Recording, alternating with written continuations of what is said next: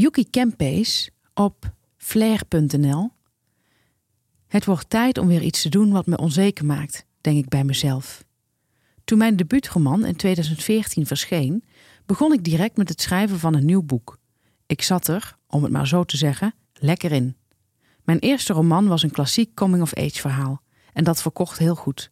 Maar er werd natuurlijk ook kritiek op geleverd, omdat het volgens literaire zwaargewichten niet voldeed aan hun eisen voor literatuur. Literatuur light werd het genoemd. Iets wat me destijds dwars zat. Maar nu, wanneer ik de schrijvers die zichzelf destijds zo tof vonden zie worstelen met hun mislukte carrières, moet ik er ook om glimlachen. Niet dat ik zozeer serieus genomen wilde worden als schrijver, daar ging het in principe niet om. Maar mijn roman was het eerste product dat ik zelf maakte en durfde uit te geven. En omdat het een succes was en tegelijkertijd ook kritiek opleverde, heeft dat boek eigenlijk de angst om mezelf bloot te geven weggevaagd uit mijn leven.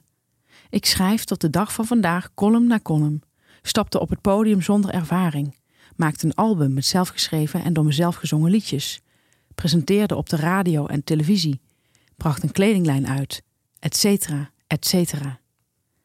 Maar tot een tweede roman kwam het nooit. Ja, er verscheen nog een verhalenbundel die ik had geschreven, maar het boek waar ik negen jaar geleden aan was begonnen heb ik nooit afgemaakt. Als vanzelf pende ik destijds een woord of 40.000 neer.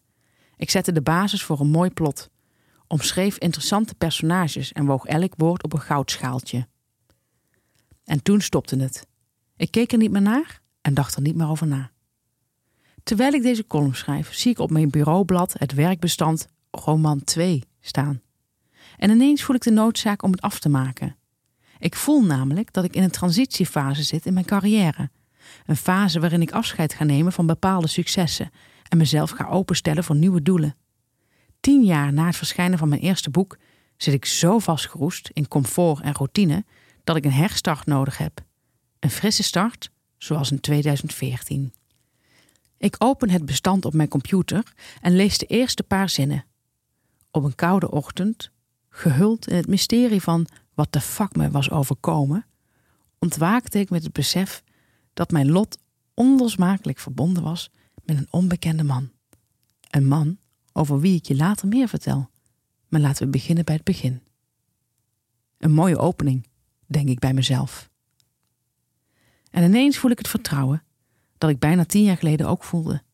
Het wordt tijd om de boel eens op te schudden in mijn leven, denk ik bij mezelf. Om weer iets te doen wat me onzeker maakt. Het is tijd om deze roman af te schrijven. Maar eigenlijk is het vooral tijd om weer iets te maken waardoor de angst om mezelf echt bloot te geven weer in één klap wordt weggevaagd. Inspirerend. Een goede podcast is als therapie. Je kunt er al je shit kwijt. Wij, Stephanie Hogenberg en Janneke van Doorst, bespreken de heetste shit van de week en onze eigen shit. Zodat we samen met jullie weer een kilo lichter zijn. Welkom, dit is aflevering 87. 87. En waarom is het aflevering 87? Omdat de vorige aflevering 86 weet. Ja, was niet echt een aflevering. Nou, toch een volle minuut. Toch een volle minuut. Maar dit is aflevering 87 en dit gaat langer worden dan een minuut. Dat zag je misschien al staan. Ja, dat hebben ze zien staan. Ja, we beginnen met de huishoudelijke mededelingen. Stef, jij bent in Amerika geweest. Dat klopt. En daarom waren we er dus even niet. Klopt ook. Tot Heb- nu toe alles goed wat je zegt. Heb je er iets over te vertellen? Wat heb ik erover te vertellen? Nou, ik wilde heel graag naar Amerika. Ja. Zoals, zoals sommige kijkers weten, heb ik van tijd tot tijd heimwee, een extreme heimwee naar Amerika. En die ben ik gaan stillen. Mhm. En eh, dit was mijn achtste keer dat ik naar Amerika ging. En het viel me voor de achtste keer op wat mensen zeggen als je zegt dat je naar Amerika gaat. Oké. Mensen zeggen dan van, oh ja, ik heb een haat-liefde verhouding met Amerika. Echt? Ja. Eh, of ze zeggen, ik ging specifiek naar Los Angeles. Was ook de derde keer. Mhm. Mensen zeggen over Los Angeles, ehm, daar ben ik een keer geweest en ik vond het niks. Eh, ze weten dan niet dat het mijn derde keer is, dus dat het me om die reden gelukkig niet raakt. Ja. Maar ik vind het best wel gek om te zeggen dat je iemand anders vakantieoord niet leuk vindt. Nee, zeker als diegene nog niet is geweest en Ja. misschien gaat twijfelen, heb ik wel de juiste keuze gemaakt. Ja, En daar al met een soort donker gemoed het vliegtuig instapt. ja. Ja, Hoeveel mensen dit tegen mij gezegd hebben, dat is echt niet normaal. wat raar. Ja. Ja. Ik moet eerlijk zeggen dat de allereerste keer dat ik in Los Angeles was, ehm, het ook niet helemaal begreep. En dat komt, dat heb je met, dat is niet alleen met Los Angeles, maar dat heb je met meer steden. Soms blijft een stad een beetje niet zeggend, krijg je er geen grip op. Ja, En dan, eh, maar dat heeft een beetje te maken met of je een beetje op de goede plekken komt, of je een beetje een beeld krijgt. waar het ook wel mee te maken heeft, is dat alleen niet zo planmatig is opgebouwd. Kijk, in New York heb je gewoon die blokken, dus je Ja. begrijpt de stad ook heel snel. Ja. En Los Angeles is heel moeilijk te begrijpen. Maar Omdat, het heeft ook blokken, toch? Ja, maar het heeft wel, zeg maar, je kunt wel echt eh, de straat rechts afnemen en per ongeluk ben je in een heel slechte wijk. Ja. Eh, en het heeft minder eh, een soort ehm, centrumgevoel. Nou, niet. Dat is het. Daarom vinden de mensen Ja. Los Angeles niet, vaak ook niet, niet zo leuk. Soms juist heel erg en soms helemaal niet. Maar Ja. ik vind het dus heel erg leuk. Maar ook pas na de tweede keer. Maar ehm, ik denk, je moet het wel een beetje snappen, ja. En, en je moet er een beetje grip op krijgen. En dat is het. En je moet echt werkelijk alles met de auto doen. Ja, En als je dat weet, dan, dan ben je daarop ingesteld. Maar ja, ik vind dat een van de leukste onderdelen daarvan. Eh, maar ja, lopen, ja, je kunt, je kunt natuurlijk wel naar de supermarkt lopen en zo. Maar het is wel, ja, dan ben je toch wel al tien minuten onderweg of zo. Terwijl Ja. het gewoon om de hoek ligt dan. Mhm. Het is gigantisch. Maar ik vind ehm, de, de lichtheid van het bestaan, die is daar. Zeg maar, daar, daar komt je hele hoofd, komt daar tot rust. Het is zo ingericht op comfort en op service. Mhm. Ik kan me niks lekkerders bedenken. Er zijn ook mensen die zeggen, eh zei iemand een keer tegen mij, ik vind Amerika geen vakantieland. Dat is iemand die heel vaak naar Azië gaat. Ja, ik vind Azië geen vakantieland. ja. Ik weet dat het een continent is, maar ik vind het geen vakantiecontinent.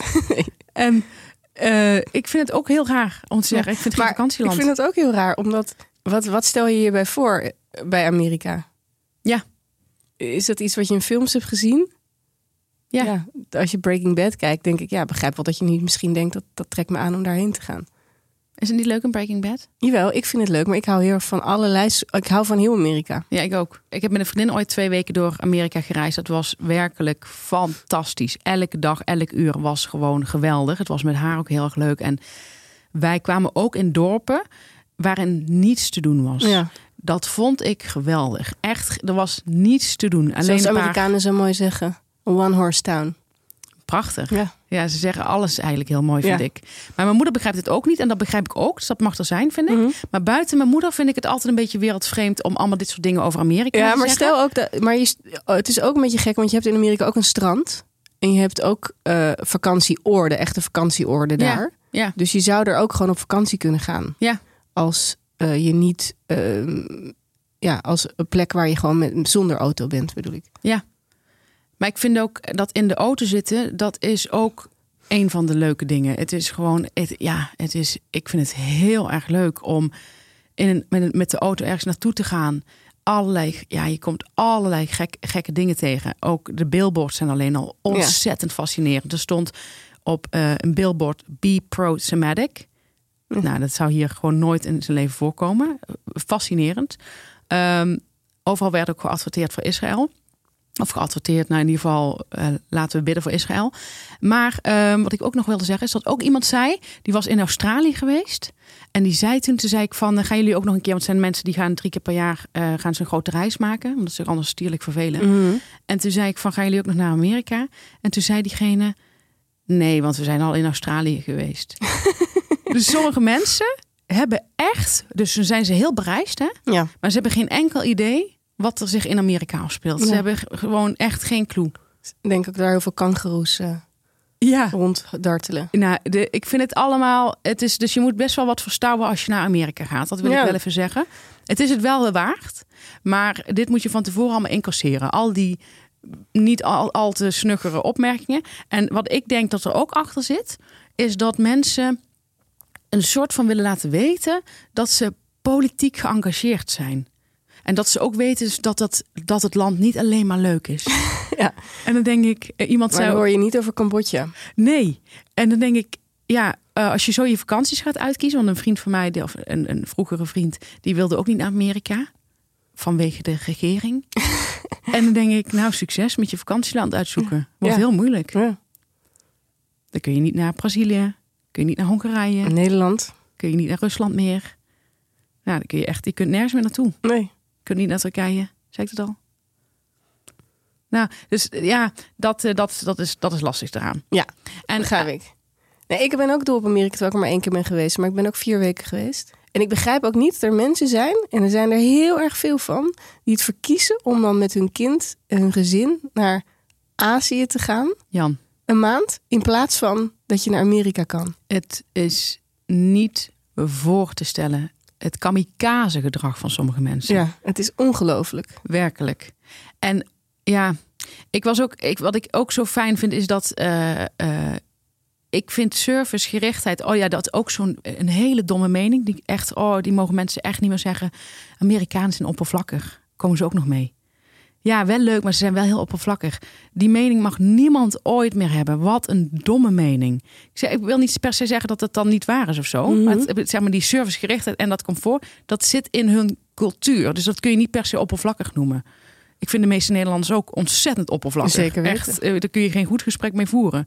Dus waarom zouden we dat de hele tijd Ja. over een ander land gaan zeggen? En Australiërs zijn veel oppervlakkiger. Echt Om over veel. Aziaten nog maar te zwijgen. Hoef je niet met couperus aan te komen.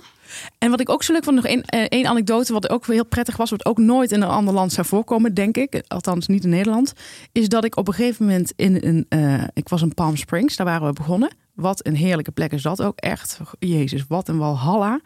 Alles jaren 50 en 60 stijl, daar is het een blijven hangen. Eh, al die huizen zijn zo gebouwd en ingericht. En eh, de auto's zijn ook nog in die stijl, niet alle auto's, maar veel. Eh, iedereen wil een praatje met je maken. Dat vind ik ook zo leuk. Dat is in mijn ervaring in heel Amerika, maar ehm, althans in alle plekken waar ik ben geweest. Ehm, en ik vond het ook leuk dat ehm, ik stond op een gegeven moment in een koffiebar en er stond een hele lange rij achter mij. En toen eh, had ik mijn pinpas deed het niet. En ik was mijn creditcard namelijk verloren. Heel, heel drama was dat. Maar mijn pinpas deed het niet, terwijl ik hem wel op wereldpas had gezet bij de ING. En ehm, er stond een hele lange rij achter mij. En ik had een cappuccino en een thee, die waren al gemaakt. Nou, wij in het eh, Hannessen. En die man werd ook een beetje nerveus van, want die enorme rij stond erachter. En ik dacht van, ik wilde dolgraag... Ik was tien minuten lopen naar het hotel. En ik wilde dolgraag die cappuccino en die thee meenemen. En toen was ik zo in het Hannessen. Ik zeg tegen die man, ik zeg, ik kan naar het hotel gaan. Ik heb cash daar eh, liggen. En op dat moment swipte er iemand van achter mij... hop, met zijn pas langs. 10 dollar was het. Dus Mhm. ongeveer iets van 8 euro. Ehm, hij zegt, it's way too early to have these problems. En eh, dus toen had hij voor mij betaald. En toen zei ik van, eh, nou, ik waardeer het zeer. En toen zei hij van, ja, joh, het is veel te vroeg. Zo leuk. Ja, toch? Ja, vind ik echt heel leuk. Ja. Wat mijn hele dag was gemaakt. Ik had Ja. natuurlijk wel een leuk verhaal toen ik thuis kwam. Ja. Dus Alsof iemand in Nederland... In Nederland ga je niet eens 2 euro voor iemand afrekenen. 30 cent gaat net als iemand Mhm. dat tekort komt. Maar 2 euro gaat niemand hier afrekenen voor Nee. je. En dit was gewoon 8 euro. Ja, ik vind het te gek. Ook met dat zinnetje erbij. Ja, Heel sexy ook. vind ik ook sexy. Hij had een cowboyhoed op. was echt leuk. ja. Eh, ja, ik vond ook altijd heel leuk dat, of altijd, ik vond het ook heel leuk dat ik op een gegeven ogenblik eh, stond ik, ja, het is een cliché ook, maar dat is zo leuk dat je dan met de kaart staat. In die tijd had ik nog niet. eh Komen ze meteen naar je toe. En meteen Ja. eh, kan ik je helpen, can I help you. ja. Het is allemaal, in, ja, het is allemaal ingericht op hulp geven. Op, en ik vind dat niet op. Ik vind hulp ge- geven niet heel oppervlakkig. Ik vind doorlopen op zich oppervlakkiger. Ja. En en het is een, wat ik zeg, ja, die lichtheid vind ik heel fijn. Dat de, Ja. de, de humorvolheid en de, het vriendelijke is heel erg lekker om je daarin in te wanen. Heerlijk. Nou, lekker, Stef. Klinkt als een heerlijke tijd. Ja, was een heerlijke tijd.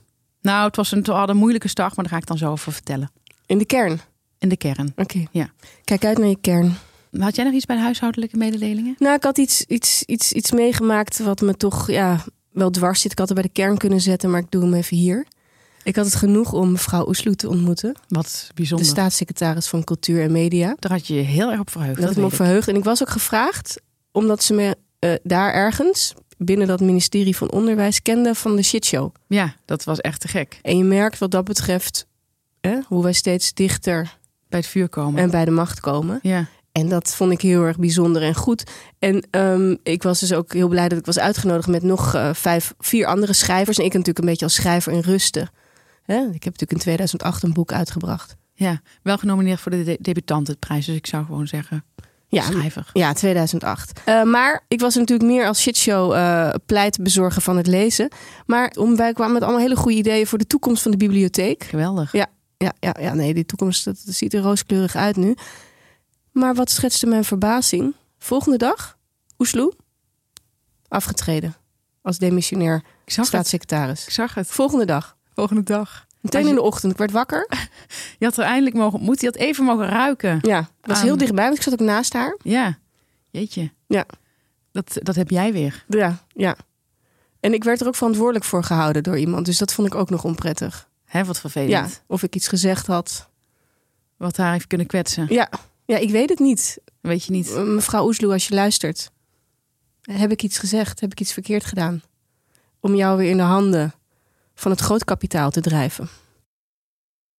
Maar Jan, jij eh piekt niet alleen in je creatieve leven, maar ook op zakelijk vlak. Hè? Want Mhm. jij had eh, goede beoordeling gekregen voor de schrijftrainingen die je hebt gegeven het afgelopen jaar.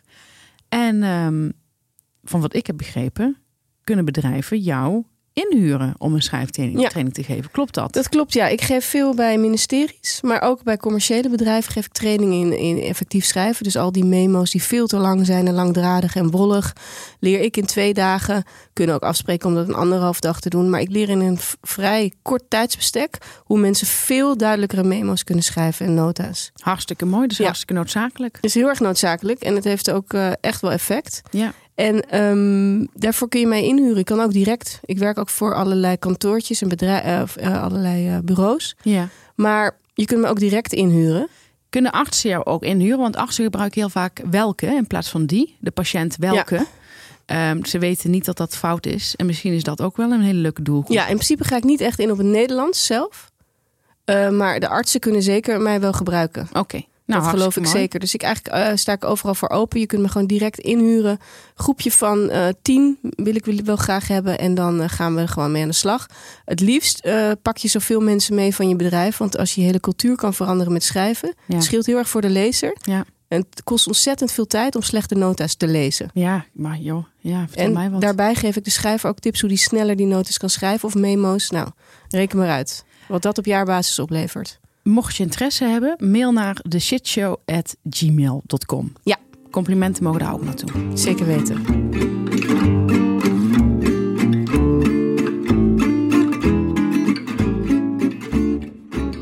En we zijn nu bij Recht uit de Kern, de plek waar wij met elkaar delen en met jullie natuurlijk als kijkers wat ons het diepst in onze kern geraakt heeft in de afgelopen periode. En Stef, jij had het over KLM-medewerkers. Ja, ik ging dus op vakantie en ik eh, wil even een, een, een belangrijke kanttekening maken. Ik ben heel erg fan van de KLM in de lucht. Dus in het vliegtuig zelf ben ik erg voorstander van de KLM. Vind ik een fantastische vliegmaatschappij. Word je lekker verwend. Het personeel is ontzettend vriendelijk. Ze hebben er zin in. Eh, het is allemaal goed geregeld. Niks op aan te merken. En ik vind die kleur blauw heel mooi. Ik ook. Daarbuiten, buiten het vliegtuig, vind ik KLM-medewerkers, ja, aardslui, durf ik wel Mhm. te zeggen. Maar ik wil het verder trekken. Ik vind heel veel mede- medewerkers lui. Nou, wat was nu het geval? Wij gingen op vrijdagochtend om 10 uur vliegen. En Wie is wij? Em en ik. En op donderdagavond 6 uur stond ik een pakketje weg te brengen nog. Was mijn laatste kans om een pakketje voor eh, een kleding-app weg te brengen. En dat is altijd een hele gestreste man die altijd zegt van... ik kan niks meer doen. Geen enkel pakketje kan ik meer aannemen. Het is te veel. En in die eh, setting... en ik zei maar, u kunt u alsjeblieft nog mijn pakketje aannemen... want ik ga morgen weg. Oh, mevrouw, mevrouw, wat doet u me aan? En het is een hele vriendelijke man. Alleen, ja, hij wijde helemaal uit. En een andere vrouw uit de rij, die wilde hem nog een, een, een hart onder de riem steken. Dus die wilde een interessevraag stellen. Waarop die, terwijl hij in mijn pakket net aan het scannen was... nog helemaal ging uitweiden over... Hij legde echt zo zijn, zijn werk neer en Mhm. ging haar helemaal vertellen. Ik dacht echt, oh, ik heb helemaal geen tijd. Ik moest nog allemaal dingen inpakken. Allemaal weet je, ja, dingetjes regelen. En op dat moment kreeg ik een appje van M. En die zegt, inchecken lukt niet. We hebben een visum nodig. En terwijl die man staat te ratelen, lees ik dat. En ik krijg echt een soort wegtrekker. En ik dacht opeens, dit is de achtste keer dat ik naar Amerika ga en er niet aan heb gedacht dat je dan dus een ESTA moet invullen. Zo heet dat. Het is een, ik weet niet, het is niet echt een visum, maar het is een, in ieder geval een, een formulier dat je moet hebben ingevuld. En het kan tot drie dagen duren voordat dat formulier is goedgekeurd. En ik kon, ik kon echt niet wachten tot ik buiten kwam. En ik dacht van ja, ik moet nog even vriendelijk tegen die man doen. Maar het was echt even een heel vervelend moment. Ik dacht van dit, dit, dit, dit rekte mijn hele geduld helemaal op. Uiteindelijk kom ik buiten. Nou, ik had al drie oproepen van M gemist. En die zegt tegen mij, uh, en hij houdt eigenlijk altijd zijn hoofd koel. Cool, maar die zegt tegen mij, we zijn de zak. We hebben dat visum niet. En ik dacht opeens, ja shit. Ik, uh, ik heb daar gewoon echt geen seconde aan gedacht. En we hebben de tickets geboekt. En het stond ook niet echt er stond niet ergens een geel balkje of zo met een uitroepteken. Ja, denk hier aan. Dus dat vond ik echt heel, heel erg raar. En toen zei hij: Ik ga nu een KLM-medewerker bellen. Dus terwijl ik naar huis fietste en ik dacht alleen maar, ja, dat moet er goed komen, weet je wel. Dat uh, eh, KLM zal toch wel weten hoe dat, uh, hoe dat dan werkt. Ja, als je paspoort kwijt bent, kun je ook een soort versnelde procedure. Ja, een nood, nood, noodwet of een noodpaspoort of zo. Uh, ik kom thuis en M zegt, we zijn de zak. Het is gewoon, uh, ja, het gaat niet. Uh, ik heb de KLM gesproken, de KLM-medewerker. En die zegt, nee, dat, dat gaat niet meer een dag van tevoren.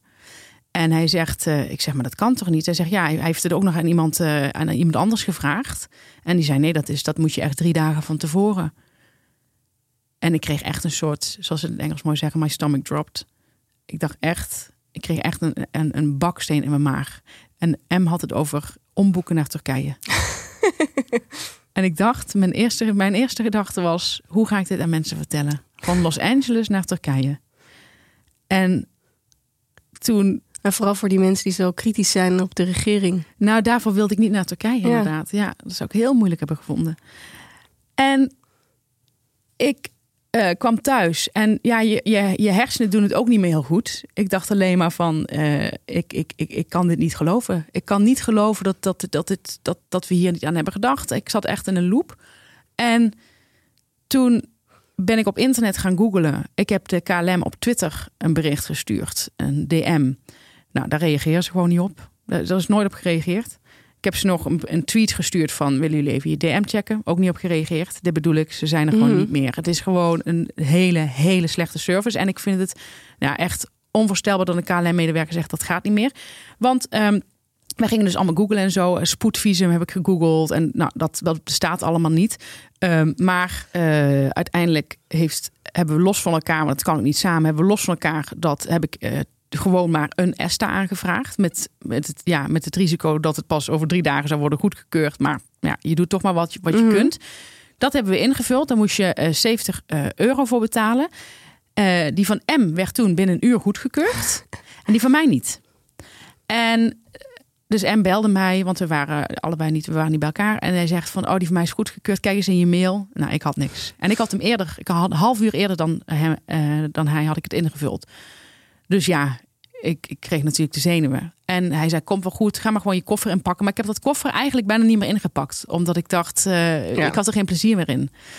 En we, zouden, we hadden alleen handbagage. Dus in, in het beste geval zouden we pas lekker rond acht uur s ochtends dus naar Schiphol gaan. Ben je er om half negen en dan vlieg je om tien uur. Ja, je hoeft niks in te checken van een koffer. Ja. Dus dat was de meest relaxte optie geweest.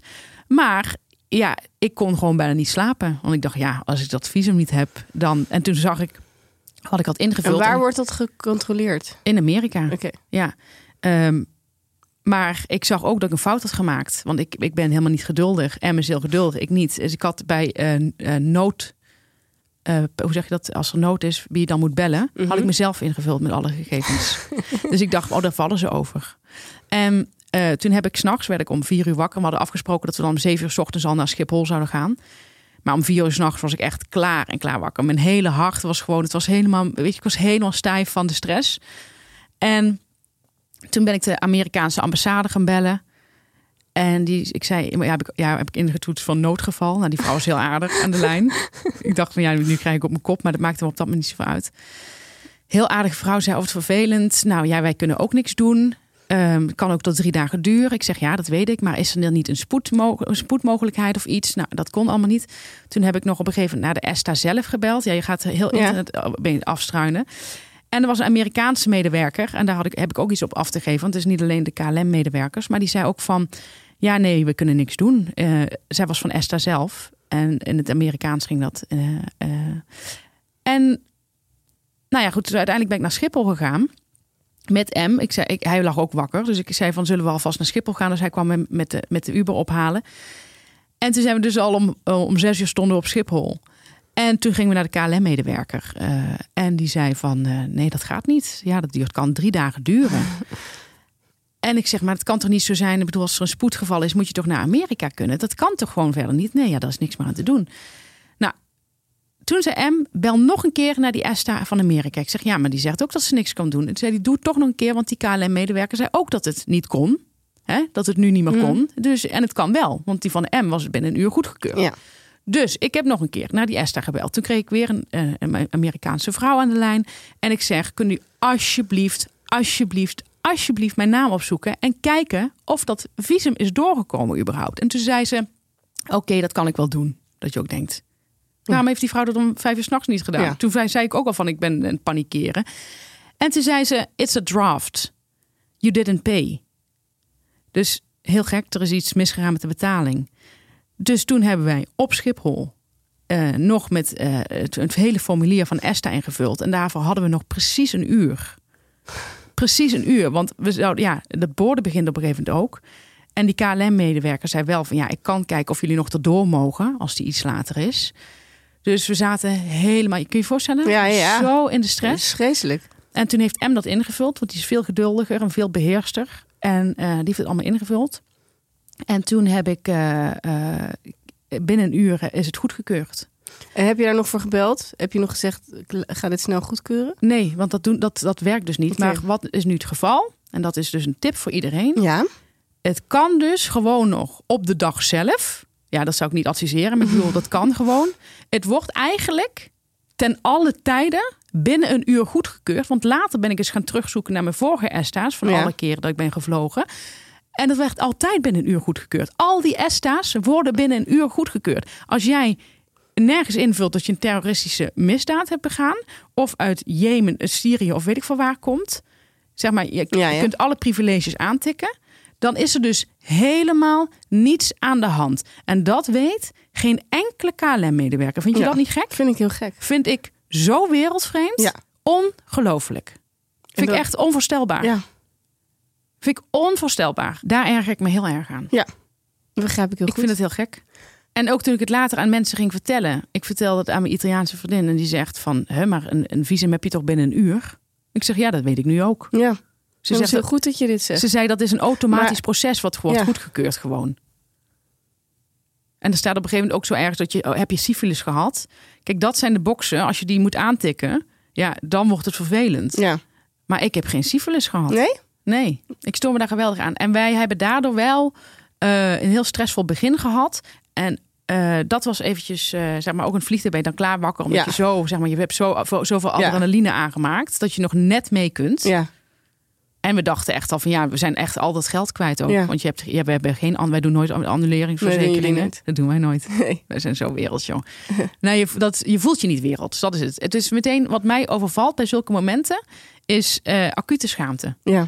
dat ik dit niet wist, dat het mijn achtste keer is, dat ik het toch niet aan had gedacht. En dat ik denk, dit, Nou ja, dit gebeurt je wist het niet. wel, maar je hebt er niet aan gedacht. Ergens Nee. wist je het wel, want toen dacht je, oh ja, dat heb ik vorige keer ook gedaan. Ja, maar hoe met, moeten anderen dit weten? Ja, En ik vertelde dit aan een collega en ik vond het heel grappig. Hij zei, eh, dit is, natuurlijk moest het goed komen. Dit gebeurt, eh, dit gebeurt natuurlijk de hele tijd, Ja. dat mensen dat niet weten. En hij zegt, ook Brabanders willen wel eens naar Amerika. En ook eh, mensen uit Groningen. en toen dacht ik, oh ja, dat is ook waar. ja. Ik, een vriendin van mij die had iets soortgelijks. Die ging vanuit Frankrijk de vakantie naar Engeland. En die stonden bij de boot. En toen eh, een hele lange rij. En toen kwamen ze dus door de, bij de douane. Zo zie ik dat voor me. En toen bleek haar kinderen hadden alleen een ID, maar geen paspoort. En je moet natuurlijk door de brexit Oh ja, een paspoort hebben. dat denk je ook eerlijk Ja, gezegd. die zijn gewoon die rij uitgestuurd. Die konden gewoon niet mee. Een hele week vakantie Engeland ging niet door. En had zij ook schaamte? Ja. Ja? Ja, er zat ook wel schaamte. Gek hè? Ja, ik vind toch, ja, je voelt je toch een beetje. Een, Ja. ja. Alsof, weet je, dat mensen zeggen, je weet toch, met de brexit gaan mensen Ja. dan zeggen. ja. Ja. Ja, dat soort gevolgen heeft dat ook allemaal. Die brexit. is ook om over na te denken. Ja, met de nek zit. Ja. ja. Goeie, goed punt dat je aanstipt. Wat zat er in jouw kern, Jan? Ik werd er deze week, ehm, en het was voor de tweede keer, door iemand op gewezen dat er onder mijn boek, dat dus in 2008 is uitgekomen. Waar je de debutantenprijs voor hebt gekregen? Ja, net niet. Genomineerd Hoorde bij de laatste vijf. Ehm, ik kreeg wel 1500 euro voor. En dat heb ik toen dus gebruikt voor die Amerika-reis. Dus het valt Wat? allemaal weer in het Jezus, thema. prachtig. Ja. Kippenvel. En die zei, er staat zo'n vreselijke recensie bij jouw boek. En het is zo persoonlijk. Het is, dus zij vond het echt niet meer leuk. Ze had er echt moeite om het aan mij te vertellen. Ze wist niet of ik het al wist. Zeg, ik, nou, ik had het al eens eerder gehoord, maar ik heb dat nooit gelezen. Ik lees dat dan gewoon liever niet. Ik ben heel erg van het kop in het zand in het leven. Ja, vind ik een hele mooie houding. Ja. Vind ik echt een van de mooiste dingen aan jou. Maar jij had ook een tijdje terug in een shitshow verteld dat iemand. Nee, of heb ik, heb ik dat toen verteld? Dat Dat, weet ik niet meer, maar het kan wel. Ehm, ik, ik heb het in ieder geval in mijn column verwerkt. Dat jij op die schrijftraining iemand voor je had en die had er geen zin in. En die zei toen van, eh, weet je dat er een hele slechte recensie Ja. over jouw boek eh, op bol.com Ja. staat. En toen heb ik dat een beetje weggewuifd. Ik weet inmiddels dat heel veel hele goede schrijvers hele, ook hele slechte soms kritieken krijgen. Ja, vertel mij wat joh. Ja, Ik ken het heel, ik ja. ken het heel Eh, maar ik dacht, eh, toen heb ik het aan jou gezegd en jij bent het wel gaan lezen. Ja, ik ben het wel gelezen. Ja. Maar jij hebt het En- nog steeds niet gelezen. Ja, en toen zei jij misschien is het iets voor de shitshow. Om dit soort eh, berichten, die wij toch allebei wel krijgen. Ik nu natuurlijk veel minder, omdat ik me minder in de publieke arena begeef. Ehm, maar jij dus nog wel, dus jij herkent dit heel sterk. Ik herken het heel sterk, ja. En ehm, jij vond het ook heel persoonlijk. Nou, het was heel persoonlijk. Zal ik hem eventjes dan nu Ja. erbij pakken gewoon? Ja, lees maar voor. Nou, het is echt, het is van eh Bernadette 2222 uit Vleuten. Ik Nou. ken geen Bernadette. Ik vind het ook altijd zo. Ik vind het, ik vind toch. Kijk, bol.com heeft natuurlijk wel al het beleid dat je alleen maar een review mag geven als je het hebt gekocht. Dus dat is goed. Mhm. Maar ik zou toch echt willen strijden tegen die anonimiteit. Want dit, dit is geen normale recensie. Dat zien mensen gelukkig ook, er staan tien eh, duimpjes omlaag bij. Eh, drie minnen voor voorspelbaarheid, saai en geen diepgang. Dat heb ik ook al een keer gekregen. geen diepgang. Dat is blijkbaar iets waar ze me echt proberen mee te raken. Inferi- inferieur vreubelwerkje. Te- tendentieus bij elkaar geraapt vreubelwerkje van een schrijfster die deze titel niet waardig is. Ik weet hoe jongens huilen. Oh, ze bedoelt natuurlijk de titelschrijfster. Ja. Oké, nou, maakt er ook niet uit. Dat je in een studentenschoolkrantje op niet al te frisse wijze een plekje in de redactie hebt veroverd, wil niet zeggen dat je ook interessant genoeg bent om een boekje uit te mogen brengen. Geen diepgang, geen X-factor. Dat de schrijfster in interviews trots praat over haar satanische genoegen jongens te laten huilen, is één grote grap. Geef je dit rapal- rapalje van repliek op Facebook, dus jullie hebben contact gehad, is ze niet in staat verbaal weerwoord te geven. Deze lege huls blokkeert je dan liever. Blokkeert met een D. Een satire-schrijfster die zelf niet tegen satire kan, is als een kok die enkel uit de magnetron eet. Nou, hier heeft ze lang over nagedacht. Totaal niet geloofwaardig. Ik kan me werkelijk niet herinneren dat ik ooit met iemand contact heb gehad en dat ik ooit iemand heb geblokkeerd op Facebook. Nee, Ik zit ook al echt jaren niet meer op Facebook. het doet er ook niet echt toe. Nee, maar ik vind dat ook nog wel opmerkelijk, omdat ik daarover nadenk. Want dit is voor mij nieuw, hè? Het is voor jou nieuw. Ja, je hebt natuurlijk helemaal En ik ben ook heel benieuwd op wat voor manier ik in dat studentenkrantje ben gekomen. Ze heeft het hier over propria curus. Je hebt met niemand lopen wippen? Nee, nee, niet, niet onderin te komen in ieder geval. Daarna pas. Pas toen ik er al lang en breed in zat. En denk jij dat je misschien iemand ehm, hebt benaderd die zij heel erg leuk vond? Als we ervan uit moeten gaan, want je weet niet of het ook een man is hè, die zich voor Bernadette uitgeeft. Dat ja, weet je ik heb geen idee. Al is het, klinkt het allemaal wel heel. eh, maar goed, mannen kunnen ook verschrikkelijk vals zijn. Nou, ik heb natuurlijk veel vijanden gemaakt in die tijd. Ja, Sowieso als propria, propria curus redacteur maak je veel vijanden. Heel veel mensen willen bij propria curus en dat lukt dan niet. Ja. Daarbij... ehm, kon jij iedereen meekrijgen? Ik kon, ja, toen, toen nog wel, ja. En dat zette wel kwaad bloed. Ik weet wel dat er sommige vrouwen echt heel boos naar mij keken in de kroeg. Terwijl ik had verder... ehm, Je kon er niks aan doen. ik kon niks doen. Ik wilde die mensen niet eens mee. Nee, Nee, ik nam ze ook niet mee. Ze wilden met mij mee, maar ik nam ze niet mee. nee, dat is supergoed, super sterk van Ja, jou. dat deed ik gewoon niet. Ja, en dat vind, die X-Factor vind ik helemaal raar. Want eh, jouw, ja, ik weet niet of jij dat weet, maar jouw bijnaam is Madonna.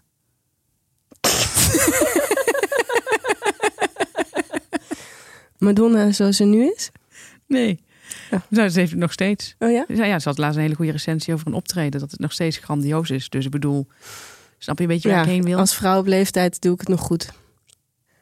Ja, dus wie hierachter zit, weet ik niet. Ik kan me niet voorstellen dat iemand is die ik niet ken. Ik ook niet. Het is in ieder geval iemand die jou heeft, goed heeft bekeken. En Ja. waarschijnlijk ook iemand die naar de shitshow luistert. Dat denk ik. Ja? Ja. Want mij, ze kennen de vijanden.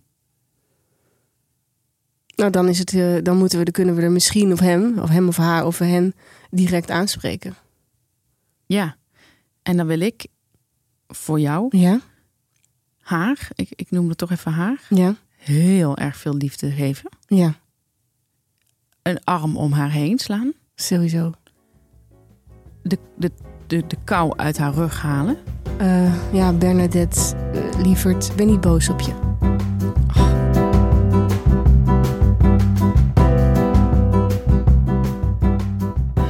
Dan zijn we bij onze adverteerder. En we hebben nu wel een heel bijzondere adverteerder, hè Stef?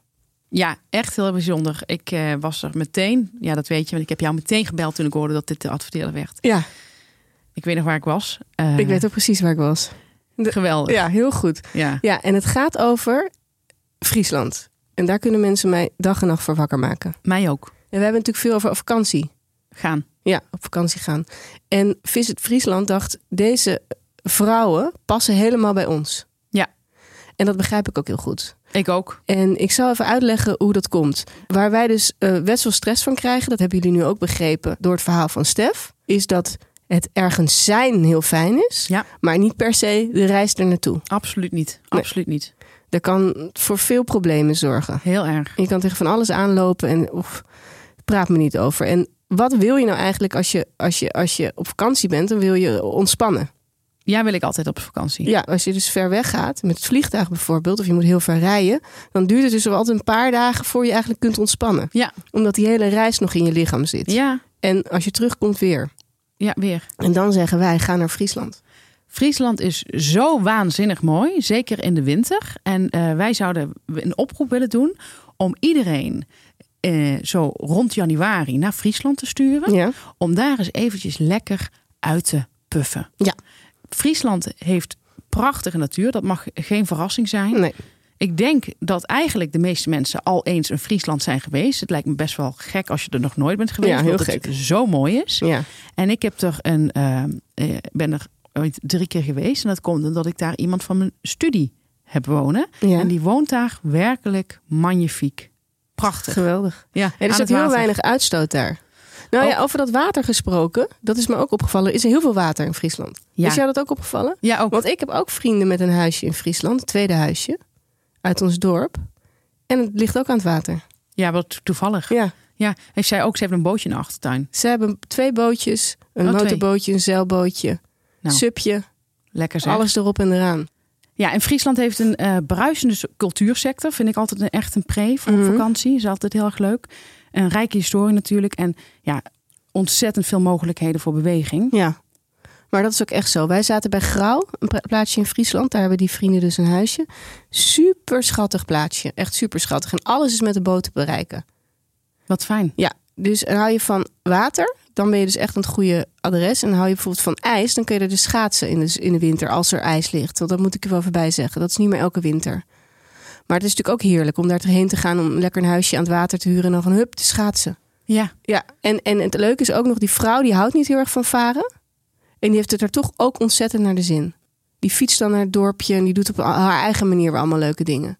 ja je komt echt met een, met een frisse geest weer terug. Het is echt eh, een, een goede trip ook voor inspiratie. Nou, wil je meer weten? eh, meer weten wat je daar kan doen, wat voor activiteiten er zijn, bezienswaardigheden en waar je eventueel kan gaan slapen. Dat is ook belangrijk. Heel belangrijk. Ga dan naar visitfriesland.nl. En visit is zoals in het Engels. Ja, heel duidelijk. Ja, bezoek. visitfriesland.nl.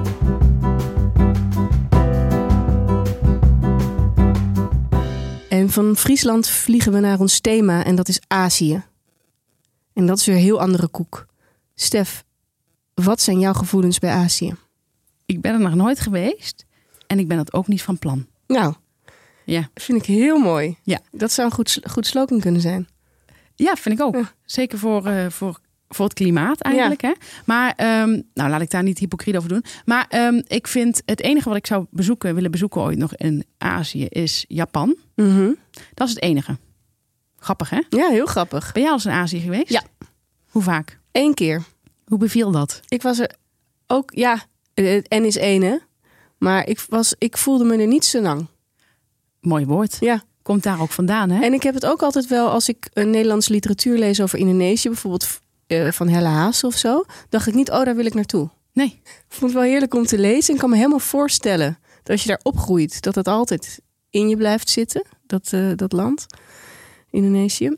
Eh, maar Jou, voor t- jou trok het niet. mij trekt het niet. Mij trekt En dat is natuurlijk heel niet. anders, hè, want het is een beetje alsof je Polen met, met Frankrijk vergelijkt. Ja. Maar ik heb, ik heb niet die drang om daar naartoe te gaan. En sommige vrienden van mij zijn er helemaal weg van. ja, ik heb het En zelf die gaan dan naar Thailand en die gaan dan naar, nou noem nog eens zo'n land daar. Ehm, nou, ik weet wel dat bepaalde steden zoals Hongkong lijkt me best wel leuk. Bali zou ik ook best prima vinden, maar het staat niet op mijn wishlist. Nee, wat goed. Ik heb het ook niet op mijn wensenlijst staan. Nee. En wat ik nou met Sri Lanka heel erg had, het was eigenlijk al vanaf het moment dat ik het vliegtuig uitstapte. Oh ja? Ik ben er heel gevoelig voor, ook voor plekken. Dus eh, net zoals toen ik voor het eerst Muidenberg binnenreed, dat ik daar een heel goed gevoel bij kreeg. Eh, Amsterdam heeft me altijd een heel goed gevoel gegeven. En ik ben heel gevoelig voor Bretagne bijvoorbeeld. Ja. De Amerika en Bretagne. Ehm, maar nee, dat had ik daar niet. Ik kwam daar op Colombo en ik vond meteen een. Het is ja, heel veel drukte. Veel mensen langs de weg. Het verkeer is super chaotisch. Dat is alles wat ik me voorstel van Azië. En dan ook wat smok. Ehm, Hou ik ook niet van. nee, ik hou niet zo van smok. Ik hou best wel van adem. En ehm, toen gingen we naar prachtige plekken. We gingen naar Hikkedua en ik heb er echt super mooie plekken gezien. Mhm.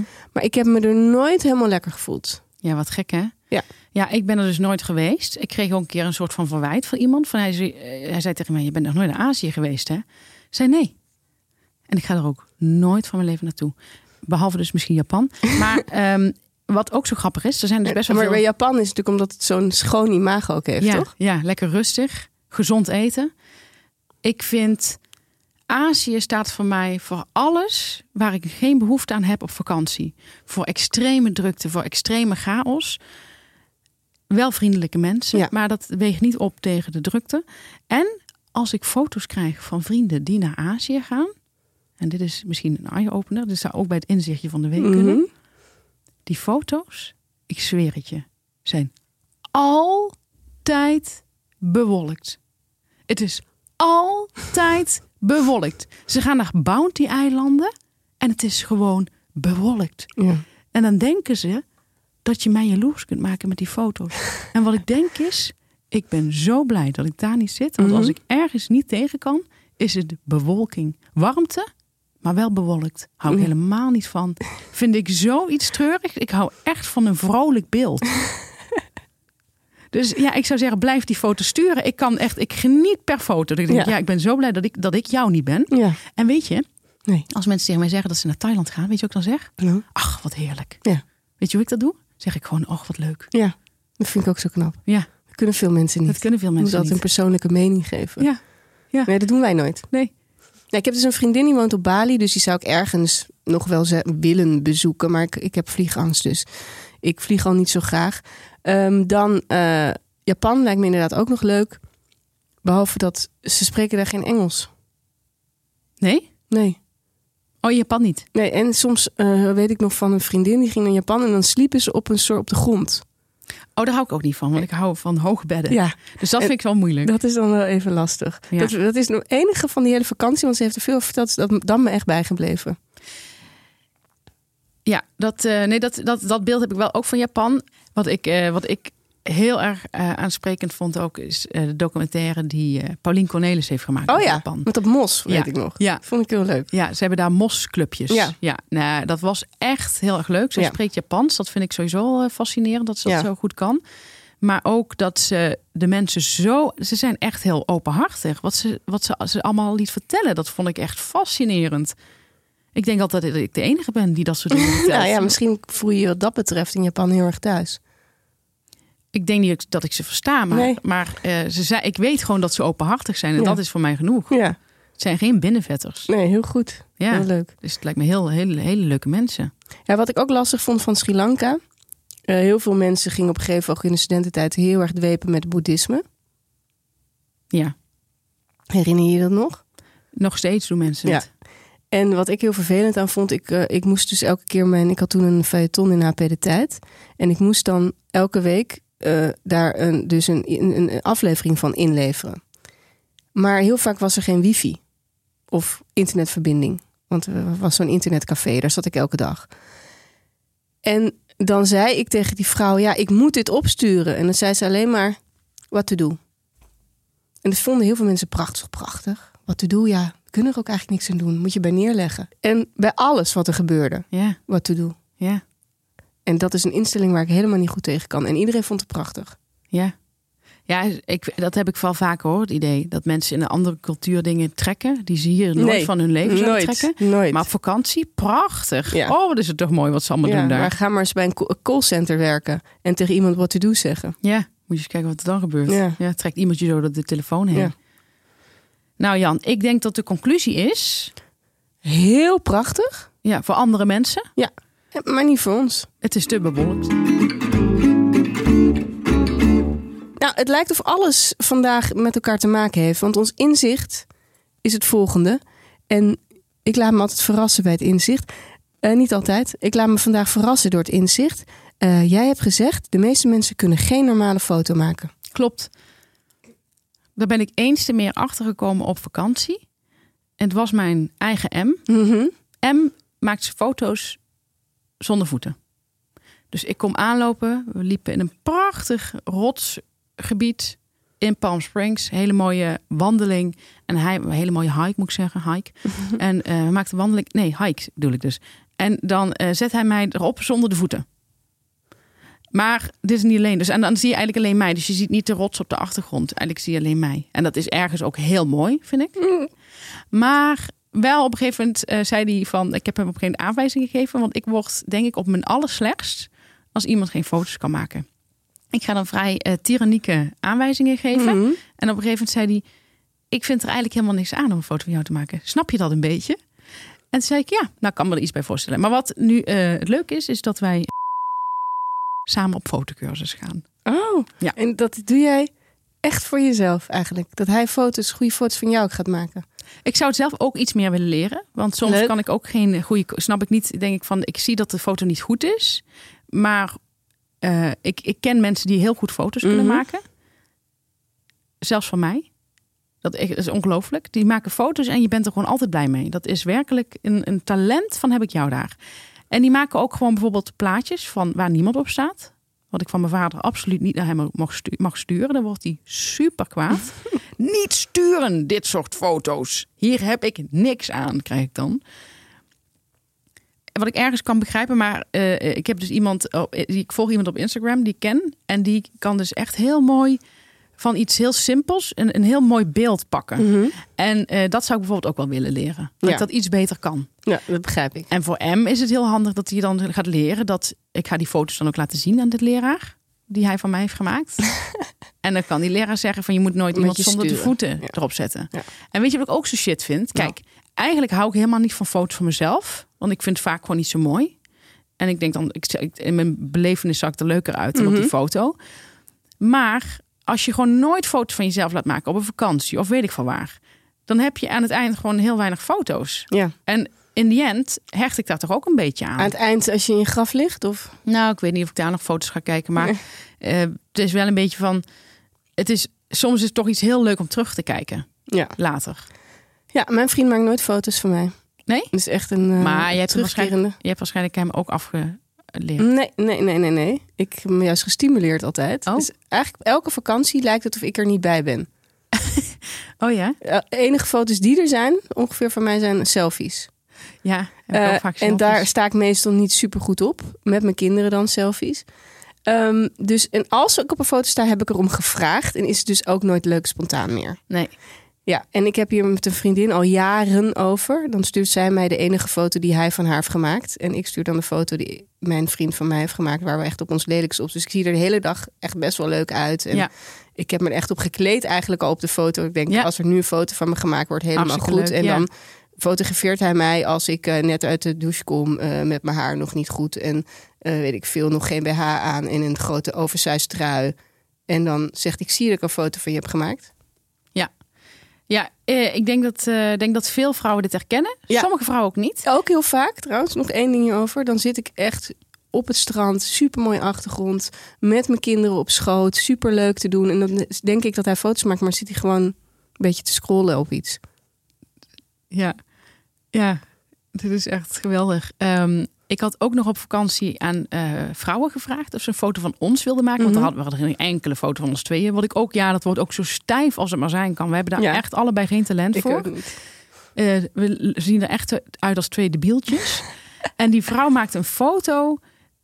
Nou, die compositie, echt, ja, hoe kijken me. En het heeft ook met kijken te maken. Je kijkt ook niet. Daar erg ik me zo aan. Eh, de- ze heeft dan ingezoomd. Dat was helemaal niet nodig. Dat kun je later Dat doen heel veel mensen. En Ja. Dat maakt de fotokwaliteit zo slecht. Zo slecht. Waarom zou je inzoomen? ja, Dat mijn kinderen echt- doen het ook altijd. Oh, Oh, weet je- irritant. Ik, sta- ik, eindelijk leuk op, want mijn eh, dochter heeft een redelijk talent voor fotograferen, maar heeft het helemaal ingezoomd. ja, ik vind dat. Waarom doen mensen dat? Stokslagen. Ja, mijn Maar- doet het ook.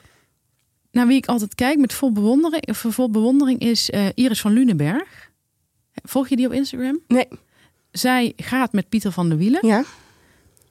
Zij gaat best wel vaak op trip naar eh, Parijs. Mhm. Ik volg haar ontzettend graag, want het is heerlijk beeldmateriaal. Mhm.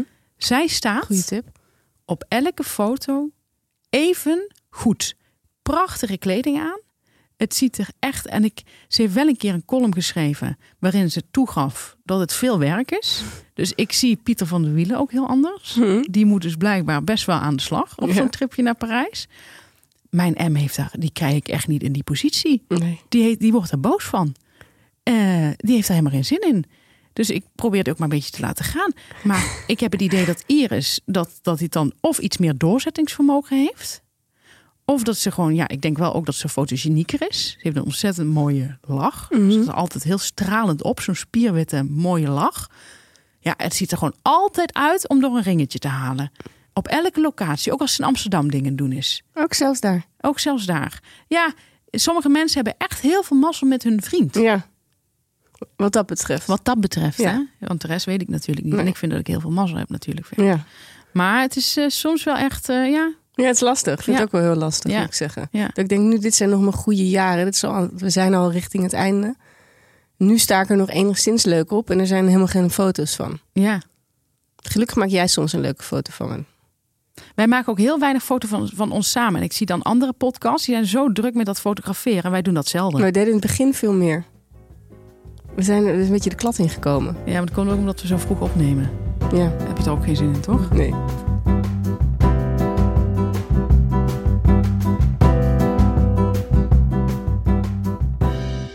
Nou, en dan zijn we bij onze adverteerder. En onze adverteerder is een van onze oudste beste vrienden, Storytel. Ja. En jij had heel leuk nieuws. Er wordt, nee, er is afgelopen zaterdag bekendgemaakt wat de best gelezen boeken zijn van het afgelopen jaar. En weet je wie er op nummer 1 staat? Jij moet raden. Yuki Kempees. Stephanie Hogenberg. Stephanie Hogenberg. Nummer 1. Echt? Ja. Eerste plek. Jij bent Ja. het meest gelezen van Storytel in een jaar. Ja. Van alle boeken. Ja. Van 350.000 boeken die je daar kunt beluisteren of kunt lezen als e-book. Zeker weten. Dat is echt ongelooflijk. Leuk hè? Heel Ik leuk. vind het ook heel leuk. Gefeliciteerd. Dankjewel. En win je dan ook iets van een prijs? Ik geloof het niet. Nee? Nee, ik moet er even achteraan. Nou goed, eh, ze zijn eh, hier natuurlijk. Ja. Dat is al Het zijn nog hele goede vrienden. Dus bij goede vrienden vraag je zulke dingen ook niet. Nee, nee, nee. Maar ik dacht misschien kreeg je een, een beker of zo. Nee, volgens mij niet. Had ik wel leuk gevonden. Ja. Maar eh, het is heel wat waard. Je kunt het op social media delen. En dat vind ik echt wel heel, heel, heel erg tof. Ja. Echt heel, heel erg tof. Ehm, en ik heb ook nog een tip die op eh Storytel staat, maar ik heb hem niet gelezen. Oh, Maar ik heb het toch als tip. nou, Want ik zag Connie Palmer zitten bij Ja. ja. Galit en Sofie. Die had, ik vind dat een hele leuke rubriek. eh, de boekenrubriek. Zij gaat dan over boeken vertellen die zij leuk vindt. Nou, dat doet ze heel erg goed. En zij had, eh, ze had een, eh, een, een trilogie eh, aangeraden. En toen eh, kreeg ik helemaal zin in hoe ze erover vertelde. Maar ik heb het dus nog niet gelezen, maar het staat wel op Storytel. En ehm, het is de trilogie van... ehm, het is een Scandinavische schrijfster. Heb je ervan Tove. gehoord? Ja, Tove. nou, toevallig had ik een paar weken geleden wilde ik iets van haar gaan lezen. Tove Dietlefsen. En alle drie de delen staan erop. Deens of Zweeds, wat is ze? Ja, zoiets. Ja, heel erg leuk. En het zijn korte boeken. Het, zijn bijvoorbeeld, het is maar bijvoorbeeld maar drie uur of zo. Ja. Dus dat is wel te behappen. Het zijn dunne boeken. Dat is heel fijn. Helemaal goed. Dus wil jij nou ook deze boeken lezen? Wil jij dat meest beluisterde slash belezen boek van Storytel van dit jaar lezen? Heb je nog steeds, we hebben het over je gehad, niet gelezen? Dan kun je dat dus doen op Storytel. Ga naar story.tel slash shitshow. En daar, als je daar bent beland, krijg je 30 dagen gratis.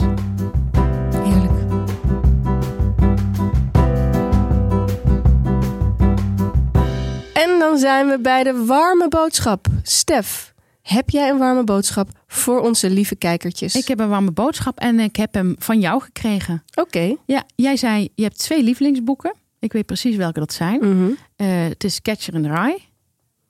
Ja, of misschien ehm, ook Story of My Life.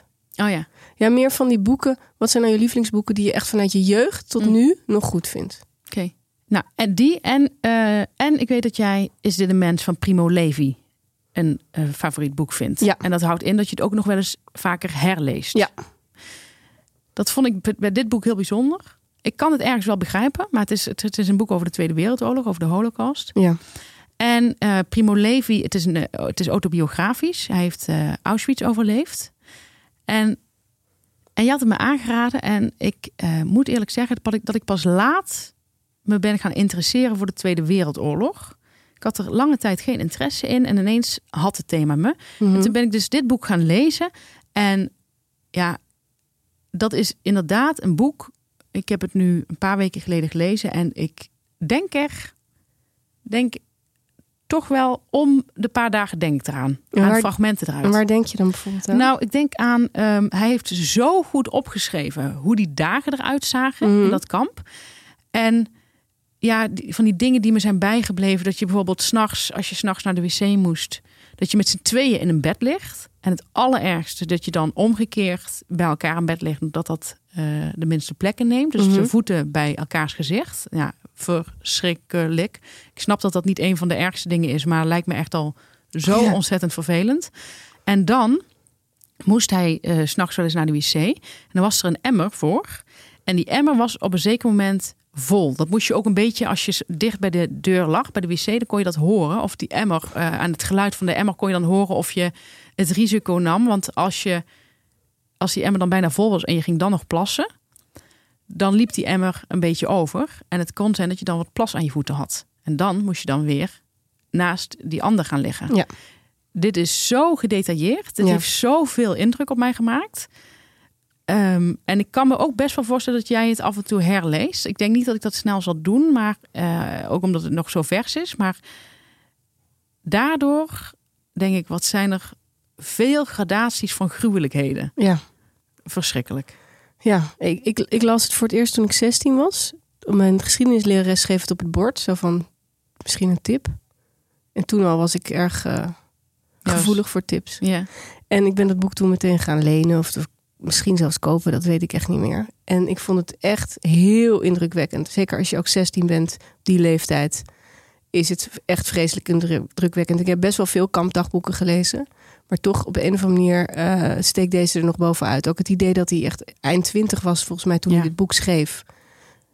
Zo intelligent en met zoveel afstand. Ja. Eigenlijk zonder haat of... eh, Zelfs zelf zat er ergens een heel klein beetje humor in. Ik kan het niet meer navertellen, maar ik dacht wel van wow, dit is echt ongelooflijk. Ja. En het is heel makkelijk geschreven, heel helder. Dus het, het, het, ik, het, het, ik, ik begrijp zelf niet waarom het nooit is getipt op de middelbare school. Ik kan me ja, misschien is dat, is dat getipt, maar ik kan me niet herinneren. Ja, nee, omdat je natuurlijk altijd voor je Nederlandse lijst moet je een Nederlands boek lezen. Voor je Duitse lijst een Duits boek. Ja, ik zie het bijna niet als vertaald werk, omdat het zo Ja, helder ik is. vind Het dit is moet je zo, gewoon- zo goed Ja. Zeg maar, ik kan nergens een zin betrappen of, of, iemand- of dat, ik kan nergens een zin zien die niet goed, goed is. Dat heb je wel eens bij vertalingen. Ik vind het. eh, ik vind dat elke middelbare scholier dit moet lezen. Ja, het is ook, ook- het is gewoon als je hè, mensen denken: oh, dit is dit thema, dat is niet voor eh, mensen, dat is alleen, alleen voor 5, 6 VWO. Ook op, de, ook op eh, VMBO 4 kan je dit best lezen. Zeker. Het is zo indrukwekkend. Het, het is zo goed geschreven en helder geschreven. En het, het, het toch, het klinkt stom, maar ik was 16, dus het is echt wel heel anders als je het leest als je bijvoorbeeld bijvoorbeeld 40 bent. Maar als je 16 bent, he- het heeft bij echt mijn kijk op dingen veranderd. Ja, snap ik. Snap ik. Ehm, dus in die zin is dat juist de leeftijd. Ja. Net zoals met, eh, we hadden net over Catch in the Rye.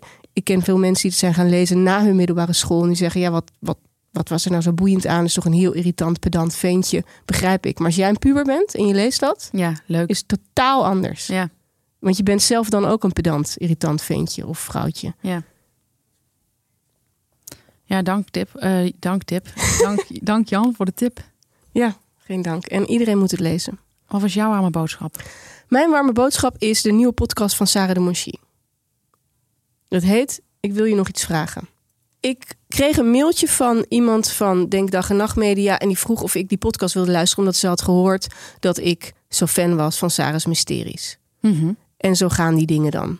Ik zei, ga ik wel luisteren. Ik had er, was een beetje sceptisch, moet ik zeggen. Ik Weet dacht, het nog?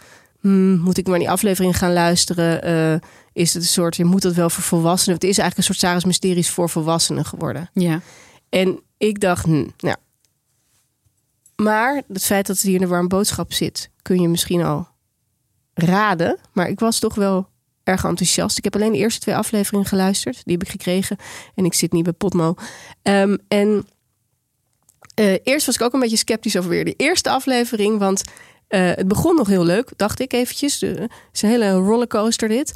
Een jongen die zoekt, dat hoor je dus, een vrouw die drie jaar voor hem heeft gezorgd als kind. Oké. En je weet verder het verhaal nog niet.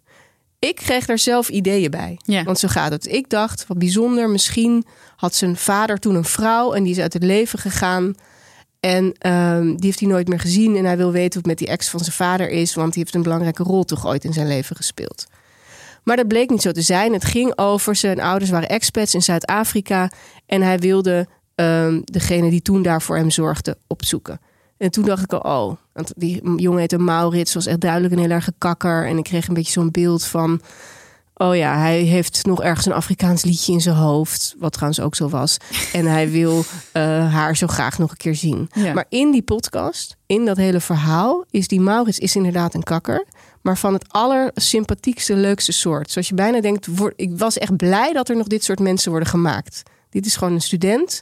En dat er nog zulke leuke, open, ehm, slimme mensen worden gemaakt. Wat deed me echt goed. Voor, Ja, bijna ja. voor de hele jeugd. Dus ik dacht, zie je wel, ze bestaan nog. Die Maurits heeft mij helemaal ingepakt. Ik vond hem echt ontzettend leuk. En heel ontroerend vond ik het verhaal. Ik ga het niet helemaal vertellen, maar ik moest huilen.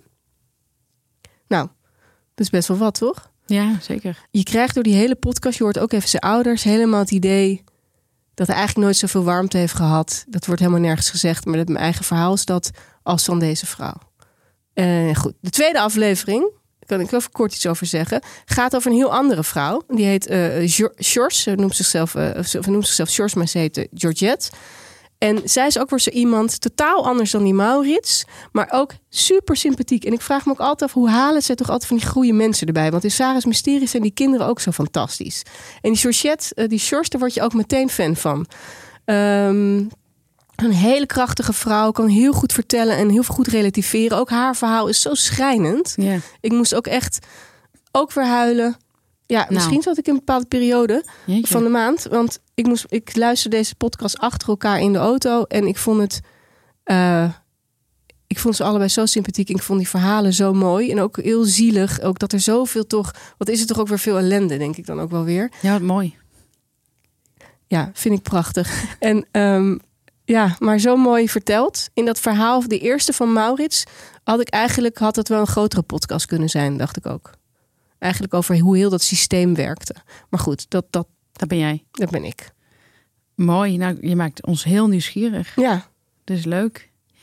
Ehm, nou, dat was hem weer, Jan. dit was hem. Dit was aflevering 87, omdat Ja. de vorige dus 86 heette. Ja. En wij gaan naar de vriend van de show. Hè, tenminste, wij gaan daarheen. En ik hoop dat een heel groot deel van jullie met ons meegaat. Eh, voor wie nog steeds geen vriend van de show is, dat kan. ja, je kunt gewoon naar vriendvandeshow.nl. Dan ga je naar de shitshow. En dan kun je gewoon eh, lekker betalen. En dan heb je gewoon een heel, heel arsenaal aan, aan, aan audiofragmenten. Ja, je kan de hele wind door. ja. Ehm, wat wij in de vriend van de show deze keer gaan bespreken is ehm, tv-series slash BN'ers die een deel van je leven worden. Ja. En daar gaan we echt uit de kern praten. Dit zijn dingen die wij nog nooit verteld hebben. Aan niemand niet. Nee. Nee. En volgende week zijn we er weer met een gloednieuwe aflevering. En dat is aflevering 88. Tot volgende week. Tot dan.